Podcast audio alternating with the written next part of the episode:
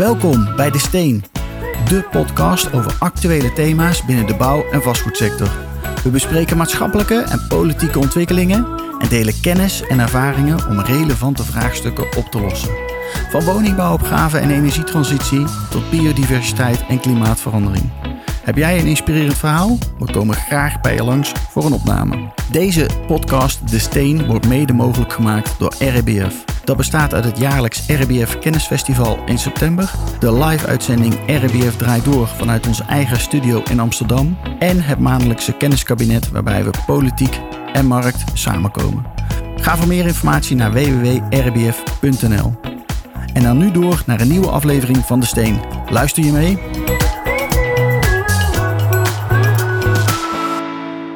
Ja, een nieuwe aflevering met uh, Ronald Verniers van uh, Hollis. Ronald, welkom. Ja, dankjewel Wouter. Helemaal zin in vandaag. Ja, ik heb ook helemaal zin in. Wij kwamen elkaar tegen een paar weken geleden op de Provada. Toen zei je tegen mij van, joh Wouter, kom eens een keertje langs. En hier ben ik. Ja, gaan we gewoon lekker gezellig zitten en gaan we gewoon eens een keertje kijken. Waar komen we uit? Laten we eens met elkaar gaan praten. Hè? Want jij komt genoeg tegen onderweg natuurlijk. Uh, jij spreekt met, ook met heel veel mensen. Soms. Wij ook. Ja, hè? jullie ook. jij zeker. En nou ja, ik ben wel benieuwd. nou ja, wat, wat kunnen wij met z'n allen in de gebouwde omgeving nog meer bijdragen om die wereld toch weer een beetje mooier en beter te maken. Ja, toch? Daar zijn we toch allebei wel heel erg druk mee bezig. Een nou, beter gebouwde omgeving creëren. En, en, hopelijk niet alleen wij. Nee, dat hoop ik ook niet. Ik hoop ook dat we andere mensen gaan inspireren tijdens nou, dit uh, half uurtje, drie kwartier. ja, toch? Hey, maar eerst even over jou. Uh, vertel eens even heel kort. Wie ben je? Wat, wat, wat is jouw drive, zeg maar? Nou, uh, ik ben directeur van Hollis in Nederland. Ik uh, mag hier met een hele leuke groep mensen uh, dienst verlenen aan, aan verschillende investeerders, eindgebruikers van vastgoed. En daarmee hopelijk ook de wereld weer een beetje mooier maken. Ja. en we noemen het altijd de echte one-stop shop. met one team en een geïntegreerde aanpak. Ja. dat houdt dus ook in dat mensen niet op eilandjes zitten en in silo's werken. Dus ook als we binnen de transactiepraktijk of binnen de de maakpraktijk, hè, de, het projectmanagement of wat dan ook, dat mensen niet uh, alleen vanuit hun eigen disciplinetje proberen dingen op te lossen, maar ook echt kennis proberen te delen binnen dat hele team. Hè. Ja. We hebben dus specialisten die bezig zijn met projectmanagement, management, ESG advisors, environmental advisors. Wow. tekenaars. Maar dat zijn ook allemaal internationale mensen, toch? Nou, niet, niet alleen maar in Nederland. In Nederland hebben we wel voornamelijk Nederlanders zitten. Ja. Uh, gelukkig zitten ook wel wat internationale mensen tussen. Gelukkig. Lekker, lekker divers team ook. Uh, maar Hollis, uh, in de basis, is natuurlijk gewoon één groot bedrijf door heel Europa heen. Ja. En we hebben met z'n allen één PNL. We win together, we lose together. Dus ook het kantoor in Madrid, in Dublin, in Berlijn.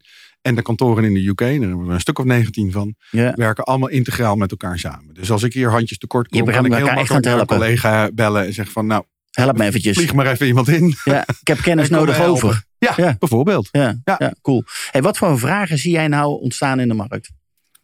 Nou, dat Of waar word jij zelf enthousiast Nou, van? Dat was eigenlijk ook een vraag die we nog niet beantwoord hebben. Ja, dat, is, dat is waar. Dat is Ja. waar.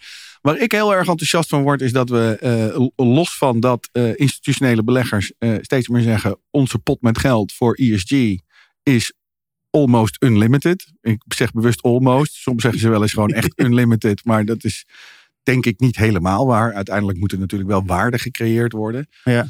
Ehm, maar dat we inderdaad die gebouwde omgeving echt kunnen aanpakken met elkaar. Hè? En dat we ook serieus na kunnen denken over wat kunnen we beter doen eh, om ook die wereld te creëren voor de volgende generaties die er nog aankomen.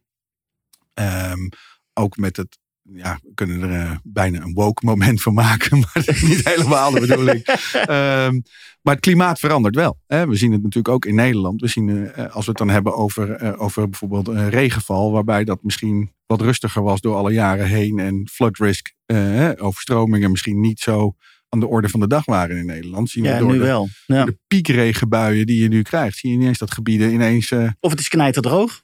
Of het valt ineens het bak uit de, bak uit de, hemel. En, en dan krijg, eh, kan, kan het riool net, eh, het weer niet aan om het water te verwerken of wat dan ook. En dan ontstaan er toch weer overstromingsgebieden, stiekem. En dat zien we natuurlijk ook wel gebeuren. Dus daar moeten we natuurlijk ook onze wereld een beetje op gaan aanpassen. Maar nou is ESG is natuurlijk wel een beetje de term die de slag slaat, eh, waar iedereen mee bezig is. Maar het is ook een beetje vaag. Althans, het is, eh, als ik het bekijk, dan, dan krijg je ook allerlei wetten en regelgeving die vanuit Europa komt. En waar we dan weer op moeten rapporteren. En als ik daarop rapporteer, nou, dan heb ik het goed gedaan. Hoe zie jij dat? Want hebben we het dan al goed gedaan? Of is het meer wat jou betreft? Nou, het is, een stuk meer. Dus we doen al een heleboel dingen echt heel goed. En ik denk, ik durf ook wel te zeggen dat we daarmee stiekem toch wel een beetje koplopers zijn in de wereld. Eh, in ieder geval. Wie bedoel je dan met we? Je- Met we bedoel jij Met Nederland? hè, de. BV Nederland. Eh, ik denk dat wij eh, best wel goed nadenken over wat we kunnen. We zijn natuurlijk altijd wel een creatief volkje geweest. Hè. Gooi toch maar regelgeving tegen ons aan en we vinden wel weer een manier om daar binnen die kaders iets nieuws te Toch iets weer te vinden? Ja. Ehm, eh, dus dus dat, die creativiteit en die handelsgeest die heeft, zit eigenlijk wel in ons DNA. En, en dat wordt ook wel door de wereld gezien. Ehm, Maar, eh, en, en die creativiteit die helpt dan waarschijnlijk om met nieuwe eh, ideeën te komen. Om juist in actie te komen en een betere wereld te creëren dan dus ook. Ja. eh, Kun je eens een voorbeeld noemen met een, project waar je bezig bent? Ehm, nou, ja, kijk. Eh, eh, ik, eh, nou ja, oh ja, je, je vroeg natuurlijk daarvoor nog van wat is nou ESG, de term is een beetje wazig. eh, en wat doen we nou wel goed, wat doen we nou niet goed? Ik probeer hem weer eventjes terug Ja, te brengen ja, voor mezelf. op het gebied van die E, hè, de, de environmental kant, de harde dingen, dat snappen we allemaal heel erg goed. En waar je, waar je de pijn ziet, vooral in de markt, is van nou, hoe maken we die S nou meetbaar, hè, die social, en hoe maken we die G nou Ja, concreet. wat concreter. Ja. En governance is niet alleen maar rapporteren naar Europa van kijk eens eh, dat we het zo goed doen. Maar is ook met je huurders als eigenaar in gesprek gaan van hoe kunnen wij gezamenlijk jouw proces faciliteren in zo'n gebouw. Terwijl we toch die verbeterslag maken in hoe we omgaan bijvoorbeeld met afvalscheiding of energieverbruik en dat soort zaken allemaal. Waar wij dan als eigenaar weer bereid zijn in te investeren. Ja.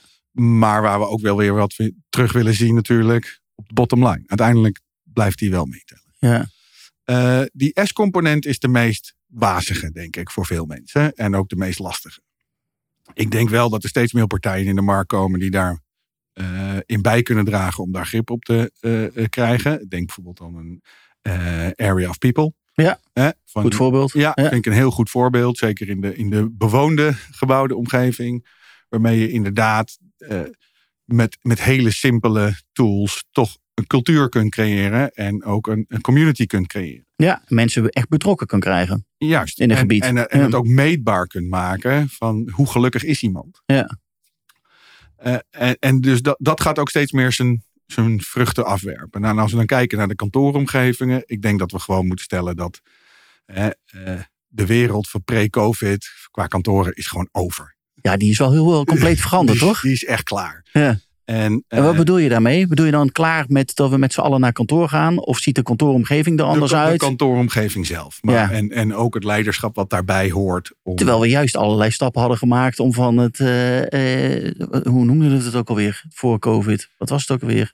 We wilden allemaal werkplekken hebben die eh, toch ook alweer allemaal eh, nieuwe werken. Het nieuwe werken. Ja. Nou, dat is al heel God, oud. god, dat was al heel oud, ja precies.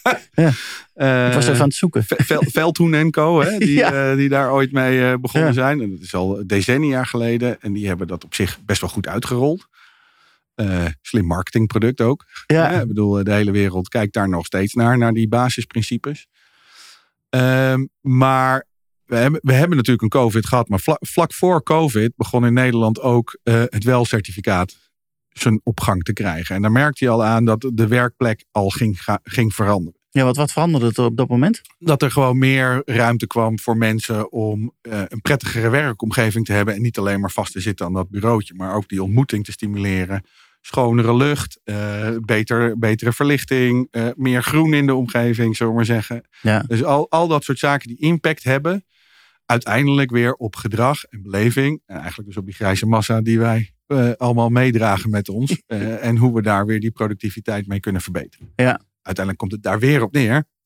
Productiviteit verbeteren. Maar productiviteit gaan we niet verbeteren als we mensen als we snel in een kippenren gaan zetten en maar productie willen gaan laten draaien achter een computerscherm. Nee, Dat- dus het gaat niet om zo min mogelijk vierkante meters. Het gaat erom om productieve en gelukkige medewerkers te Precies. creëren. En dat is wat anders dan die vierkante meters. Precies. Ja. Hè? En ehm, waar mensen met COVID zeiden, ja, we gaan zo meteen huurders krijgen die minder meters nodig hebben, heb ik eigenlijk altijd gezegd, ja, maar dat gaat niet vliegen. Ik denk sterker nog, ik denk dat mensen meer meters nodig gaan hebben om dat pakket aan uh, functies. Wat is er nodig? Wat is er nodig aan functies op, op een kantoor? Oh, dat kan van alles zijn. Veel meer dan alleen het bureau dus. Zeker, zeker. Ja. Uh, wij, wij, wij zien nu ook in projecten dat uh, het aantal daadwerkelijke werkplekken uh, grandioos minder wordt.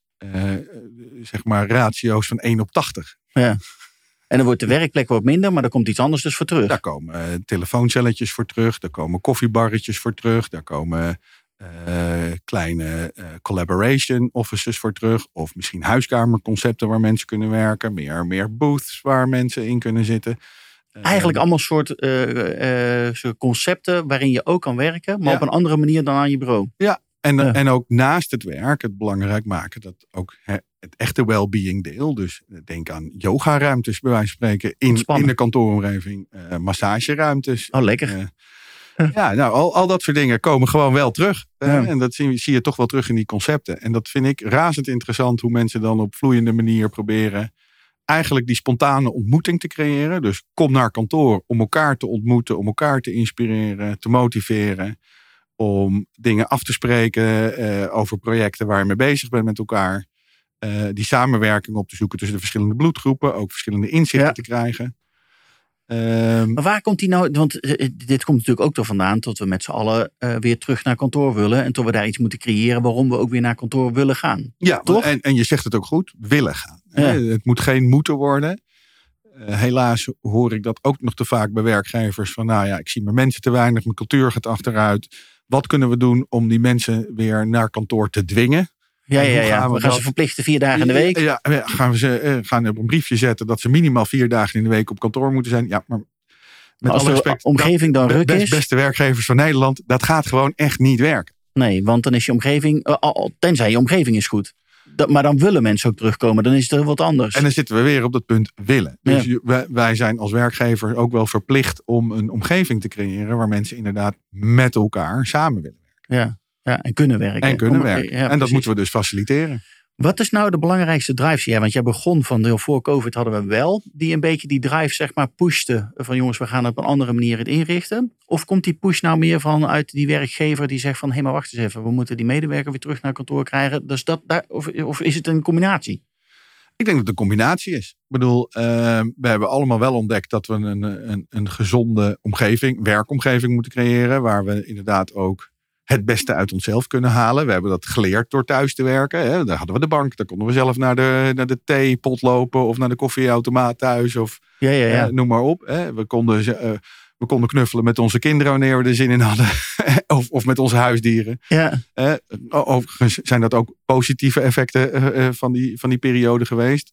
Aan de andere kant zaten we natuurlijk wel opgesloten in een hockey. ja. En dat hoeft nu niet meer. We kunnen nu echt die well-being ook vinden door weer naar buiten te gaan. Want ja, we blijven mensen. Het belangrijkste wat wij kunnen doen met elkaar is connectie leggen met elkaar. Dat lijkt mij ook inderdaad. Wij zijn toch, toch allemaal wel, eh, hebben we die verbinding nodig met mensen. eh, om, om ja, Maar het wordt wel steeds moeilijker, zeker met al die nieuwe technologie. De smartphone, eh, die is natuurlijk al lang ingetreden. Maar toen COVID kwam, toen gingen we ineens allemaal op Teams. Dus nieuwe technologie heeft het ook wel mogelijk gemaakt om hybride te gaan werken. Ja, maar je ziet toch wel dat het beste werk komt uit mensen die elkaar daadwerkelijk Ja, ontmoeten, zien. Ja, ja. Ja, ik vind het ook fijn hoor. Liefst zoveel mogelijk. We, bl- we blijven toch gewoon sociale dieren. En, dat is, en dat is helemaal niet erg. Ik Nee. vind dat juist, eh, ik vind dat juist hartstikke goed. Ja. Eh, maar gebruik die technologie. En daar is technologie ook altijd voor bedoeld geweest als ondersteuning op je dagelijkse processen. Om te zorgen dat bepaalde dingen efficiënt kunnen gaan. En misschien wel een aantal reisbewegingen te verminderen. Maar daar waar het nodig is om daadwerkelijk mensen te zien. Ehm, denk ik dat het heel belangrijk is dat mensen er komen. We hebben, eh, toevallig zijn we net gestart met een nieuw project in Amsterdam.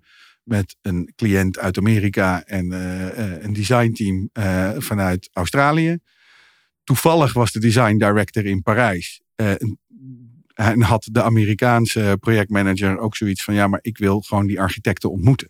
Oké, dus die is ook die daar? gewoon voor een dagje naar Nederland komen. Is natuurlijk totaal niet goed voor de CO2 footprint. Nee. Maar de benefit die je hebt om de, de architecten daadwerkelijk te ontmoeten en de mensen te zien en de connectie te leggen. Want je gaat zo'n project aan met mensen. Je bent zeg maar een jaar of twee jaar getrouwd, misschien wel langer getrouwd Ja, ja, met die mensen gedurende die projectfase. Ja. Dan moet je ook het gevoel hebben, moet heb, ik, heb ik die klik met die mensen en ga ik die wedstrijd winnen met die mensen? Begrijpen bij elkaar. Ja, precies. Ja. En, eh, en dan is het heel nuttig. En dan eh, kun je echt wel beter het kaf van het koren scheiden. Want ja, eh, simpele antwoord is: eh, hoe, wij, hoe wij kijken en luisteren eh, naar de wereld. Is eh, misschien wel 80% lichaamstaal, misschien maar 15% wat we daadwerkelijk zeggen. En, en 5% daadwerkelijk de boodschap. ja, precies. Dus hoe Ja. breng je die boodschap over? En daarvoor moet je echt bij elkaar zijn. En dan moet je echt bij elkaar zijn. Hey, maar wat zie jij nou dan in zo'n, in zo'n team? Want dat is best wel divers. Een Amerikaanse club die in Nederland een, eh, een vestiging gaat openen. Met een, eh, Nou, als- ze hebben al een vestiging hier, maar Nee. ook, ook de- eigenlijk meer een uitbreiding. Want het, het aantal mensen wat hier werkt wordt niet groter, maar ze huren wel een substantieel deel extra aan.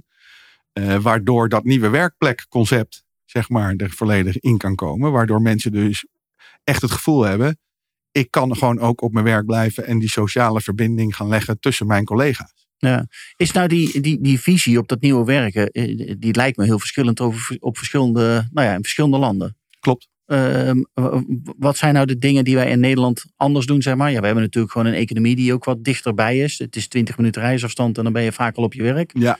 Dat is niet in alle landen zo. Nou, in, in, in bijna geen één land zo. Ja, misschien in België nog. Maar eh, als jij in Duitsland, in, eh, in Frankfurt Nee, ja. kantoor hebt en je woont in Berlijn, dan eh, wordt het wel lastig om op kantoor te komen elke dag. Ja, precies. Ja.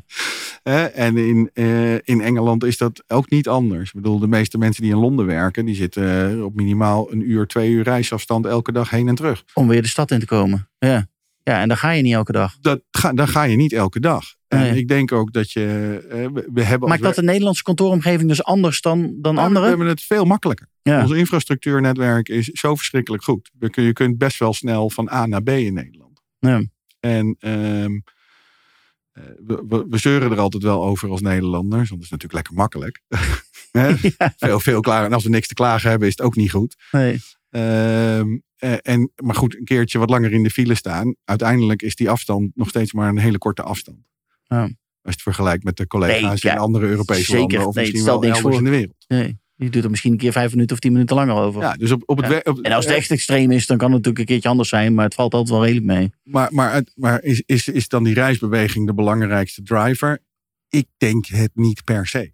Wat, Ik- ik- het, het, het blijft erop neerkomen dat, je, eh, dat mensen gemotiveerd moeten zijn om met elkaar te willen werken. Ja. En daar ook elkaar te willen zien. En die ontmoeting te willen regelen. ja, dus het is wat jou betreft meer dan alleen de werkplek. Het is absoluut een sociale verbinding. Ja. En is er, wat, wat kun je daar als doen als, zeg maar, als bedrijf zijnde? Want je moet dan je moet er als eigenaar of als directeur ook wel een bepaalde visie op hebben. Hoe je die mensen stimuleert om weer terug naar kantoor te laten komen, denk ik of niet? Zeker. Dus dat betekent dat je goed inzicht moet hebben van wat, wat zijn de processen die zich afspelen in, in mijn onderneming. Dat is ook niet voor iedereen hetzelfde. Nee. Eh, wat voor bloedgroepen lopen daar binnen die processen rond? Je kunt je voorstellen dat een, eh, iemand die op sales zit natuurlijk een hele andere manier van denken heeft dan iemand die de hele dag zit te programmeren. Maar dus ook een hele andere ambiance nodig heeft om eh, het beste uit zichzelf te kunnen halen. Ja. En sommige mensen hebben net wat meer dat duwtje nodig om geïnspireerd te raken. Terwijl bij anderen weer het leeft dat ze weer anderen juist weer heel goed kunnen inspireren. Dus al dat soort dingen. eh, eh, en en eh, als het heel plat slaan, komt het toch weer terug op gedrag. En ook eh, accepteren dat mensen onderling anders zijn. en dat is ook helemaal niet erg. En daarmee creëer je denk ik ook die inclusieve omgeving. En dan kom je weer precies op die S. Ja, mooi. We hebben het heel veel over S gehad, maar de ESG gaat natuurlijk ook voor een groot gedeelte inderdaad over die E, waar we mee begonnen. Eh, duurzaamheid, eh, energie, eh, water, nou, noem alles maar op, maar ook misschien wel nieuwe, nieuwe materialen. Hoe kijk je daar tegenaan? Het, zeker nu in deze markt, het is geen makkelijke markt op dit moment. Sommige mensen zeggen misschien ook wel, joh, om daar nu in te investeren is misschien ook wel duurder. Andere mensen zeggen van, je moet misschien wel juist nu investeren. want Rob Jetten die heeft ook nog een, een mooi, heel mooi potje waar je misschien ook nog wel wat subsidie uit kan halen. Hoe kijk jij daar tegenaan? Nou, het is eigenlijk heel dom om er niks mee te doen. Misschien is dat wel een hele boute uitspraak in die Ja. manier. Maar ehm, eh, de, de, de ervaring leert gewoon dat als je aan de voorkant goed investeert en goed nadenkt over je object. En ook over hoe je het moet onderhouden. eh, en daar, daar de slimmigheidjes in weet te vinden met de juiste duurzame materialen, dat de investering aan de voorkant gedurende de exploitatie in vele malen terugverdiend kan worden. Ja. En ook op Dus exit, gelijk want, doen. Want de waarde van zo'n object blijft veel langer in stand. En ik denk dat we nog wel door de, in de komende paar decennia gaan meemaken dat eh, de afschrijvingen op eh, niet eh, verduurzaamde gebouwen echt enorm gaat zijn. En Ja, denk gaat, je dat? Daar gaat de investeringsmarkt nog wel last, last van krijgen. Ja, worden Als- dat als stranded gaan- assets? Of, ja, zeker. ja. En dat zien we nu natuurlijk al. Die, die curve voor die crime analysis die is natuurlijk al opgeschoven. Ja. Die, die curve is al steiler geworden. ja. En daar zijn een aantal investeerders natuurlijk al van in de vlekken geschoten. ja, dit gaat niet goed. Maar wat, wat kunnen ze nog doen? Wat, is daar nog eh, iets te redden, zeg maar? Of is het gewoon verkopen met verlies? En, eh, Nou, het is zeker te redden, te- ten, tenzij jouw fonds, hè, de governance van jouw fonds daar niet op is ingericht. Kijk, op het moment dat jij voor korte termijn eh, je aankoop hebt gedaan, dan heb, moet je dus eerder resultaat naar je aandeelhouders presenteren dan eh, eh, iemand die voor 10, 20 jaar of misschien wel langer in de wedstrijd kan zitten. ja, ja Eh, dan wordt het lastig. Hoe ja. korter je erin zit, hoe lastiger het is om een positieve business case te, realiseren. En, dat, en dat gaan we natuurlijk ook zien in, in het ontwikkellandschap. Hè? De Ja. ontwikkelaars die eigenlijk het moeten hebben van het direct verkopen nadat het object gereed is. Ja. en daarmee hun exit willen creëren. Ja, die gaan het wel een stuk zwaarder krijgen. Wat, de- wat, zie jij, wat denk je dat er gaat gebeuren? Gaan die ontwikkelaars zelf ook beleggen dan spelen? Voor een Eh, langere termijn? Kan. Gaan de korte termijn beleggers allemaal naar een lange termijn belegging, omdat ze dan het rendement eruit kunnen halen? Ik, ik, denk dat Of- we, wel- ik denk dat we andere samenwerkingen gaan zien. En dat er inderdaad eh, eh, partijen die voor langere termijn eh, eh, hun fondsen hebben ingericht. En lees ook hierbij pensioenfondsen. eh, dat, dat die toch wat meer de samenwerking gaan opzoeken bij de ontwikkelaars. eh, en dat de risicoallocaties wat dat betreft ook veranderd gaan worden. Ja, Want ze, want ze moeten wel. Ja. Hè? Als, als, je, als je nu een gebouwde omgeving wilt maken die super duurzaam is, dan moet er meer geld in aan de voorkant om aan de achterkant te kunnen oogsten. ja, En dat betekent dat je andere samenwerkingen moet gaan zoeken. Ja. Dus die businessmodellen gaan sowieso veranderen onderweg. ja interessant. Ja. Zijn wij nou in Nederland wat dat betreft op de goede weg, denk je? Met hittestress, klimaat, de ESG. Je zegt we lopen voor.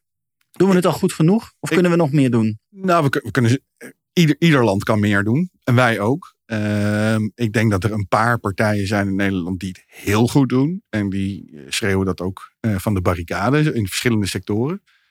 Dat vind ik altijd fijn, want dan kunnen, we, dan kunnen we, andere mensen kunnen daar weer van leren. Dan hebben we Ja. weer een kapstok. En Ja. dan kunnen we inderdaad weer van leren. Eh, ik denk wel dat, eh, dat er nog wel een behoorlijke weg te gaan is. En zeker als we het hebben over de internationale investeerder die ja, niet per se daar zozeer mee bezig is, maar meer bezig is met zijn yield rendement. Ja, precies. Ja, precies. Ja. Ja. Hoe kunnen we dat soort partijen ook motiveren om ermee aan de gang te gaan? Ik, ik denk Is dat, dat, lastig? ik, nou, maar ik denk dat, dat dit soort sessies daarbij helpen. Ik denk ook dat eh, het, eh, het, het, eh, het RBF-festival in september daarin bij gaat dragen om die boodschap weer over de schutting te krijgen. En, en, misschien, het. en misschien moeten we niet alles in het Nederlands doen. Hè? Nee, we hebben een dag in het Engels. We hebben een dag in het Engels, dus dat is leuk. Ja, nou, dat is supergoed. Dus, eh, weet je, kijk, en, en, la- en laten we kijken of we die internationale partijen ook kunnen overtuigen van ons gelijk. Dat, Ja. dat als ze het nu goed doen, dat ze daar in de loop der jaren gewoon een veel beter rendement kunnen gaan draaien op hun, op hun productie en Ja. op hun eigendom.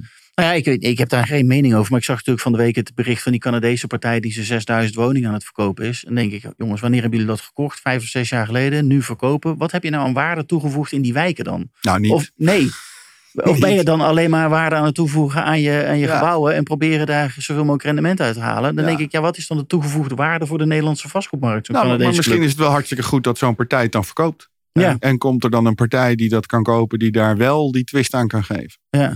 Ik, eh, in die zin eh, heb ik daar inderdaad een uitgesproken mening over. Ja, misschien niet. Eh, Ik bedoel, iedere, partij, iedere, iedere investeerder moet natuurlijk zijn eigen koers varen. Wat het beste is voor het fonds en zijn aandeelhouders. Ja. Eh, Nou ja, en we hebben ook Nederland, als Nederland zijn, hebben we ook buitenlands geld nodig om überhaupt die hele woningbouwopgave voor elkaar te krijgen. Dus op Tuurlijk. een of andere manier hebben we ook dat geld wel weer nodig. ik bedoel, als je, de, als je de rapportages van de economen die daarmee bezig zijn erop naslaat, slaat, is natuurlijk het, het, het binnenlandse investeringsvolume is natuurlijk nog niet eens 5% Klein. van wat er, eh, wat er daadwerkelijk in de markt wordt gepompt. Zullen we maar zeggen, vanuit het buitenland. Dus ja, eh, en als je dat als gegeven neemt, weet je dat je gewoon afhankelijk bent van buitenlands geld. En dat is niet erg. Ik bedoel, dat betekent gewoon dat we een omgeving moeten creëren die investeerbaar blijft. Ehm, dan helpen een aantal bewegingen die we nu zien niet. Nee. Eh, aan de andere kant zijn de bewegingen die we nu zien ook niet allemaal negatief. Nee. Ik denk dat er, een, eh, dat er een aantal bewegingen, het verduurzamen van de, eh, van de woonomgeving en misschien zelfs wel het reguleren van de, van de middenhuur, eh, dat dat in mijn optiek niet per se een hele slechte beweging is. Ik denk, hè, ik ben het op zich wel mee eens dat we de kamertjes van 20 vierkante meter waar je staat te douchen boven op de douche of op het toilet en, de- en de tegeltjes van de muur afspringen en je moet 1800 euro per maand betalen aan de, aan de eigenaar terwijl de gevel zo lekker is als een bandje. Ja, ik snap wel dat we dat een beetje aan banden willen leggen. Ja, dat moeten we niet meer Eh, willen. Nee, dat, dat, dat Nee. moeten we gewoon als, als Nederland ook niet meer willen. Nee. Eh, en dat, maar dat dat effect gaat hebben op natuurlijk eh, de investeringsmarkt is natuurlijk logisch. Ja. ja, maar het is wel heftig inderdaad wat je ziet. Want ik las volgens mij vanochtend zelfs dat Vesteda, eh, dat die continu door mensen ook wordt benaderd. Van jongens, we willen heel graag huren. En daar hebben we best wel wat extra voor over. Ook medewerkers die gewoon één op één benaderd worden. En die zeggen nu van, ja, dat doen we dus gewoon niet. Nee. We blijven gewoon bij onze huren vasthouden. En mensen gaan niet extra en meer betalen. Maar Nee. die markt is natuurlijk compleet overspannen. De compleet. Ja. compleet. En, eh, maar ook, ook dat gaat ze weg wel weer vinden. Hè. Soms, Is dat tijdelijk, denk je? Nou, ik, weet je, soms is het helemaal niet erg om een beetje eh, gerommeld hebben. Zonder wrijving geen glans en Ja, gevleugelde. Ja. En dan wordt, krijgen heel veel mensen dan weer rillingen van over. Ja, maar, waarom, eh, maar stiekem is dat toch wel een beetje waar. Weet je? Soms moet je ook wel een beetje de randjes opzoeken van wat kan wel, wat kan niet. Dus op zich is deze periode helemaal niet zo, Nee, misschien helemaal vind niet zo graag. Ik vind het helemaal niet zo raar. Ik bedoel, we hebben het eh, van de week in de Kamer ook weer gezien. Hè, waarbij het wetsvoorstel om eh, woningen onder de 355.000 euro door de gemeente met een ja. verkoopvergunning. Ja, dat is natuurlijk compleet afgeschoten. Ja. Ehm, eh, log- logisch dat dat afgeschoten wordt. Ehm, eh, is het goed dat het bespreekbaar gemaakt wordt? Ja, absoluut.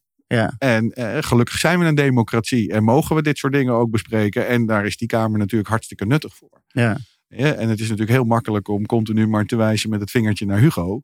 Maar eh, ja, er zitten best wel een paar ideeën in waar we wel wat mee kunnen. En misschien moeten we gewoon als markt zeggen: jongens, eh, Hugo, we gaan je helpen op die vlakken waarvan wij zeggen: hier vinden we het goed.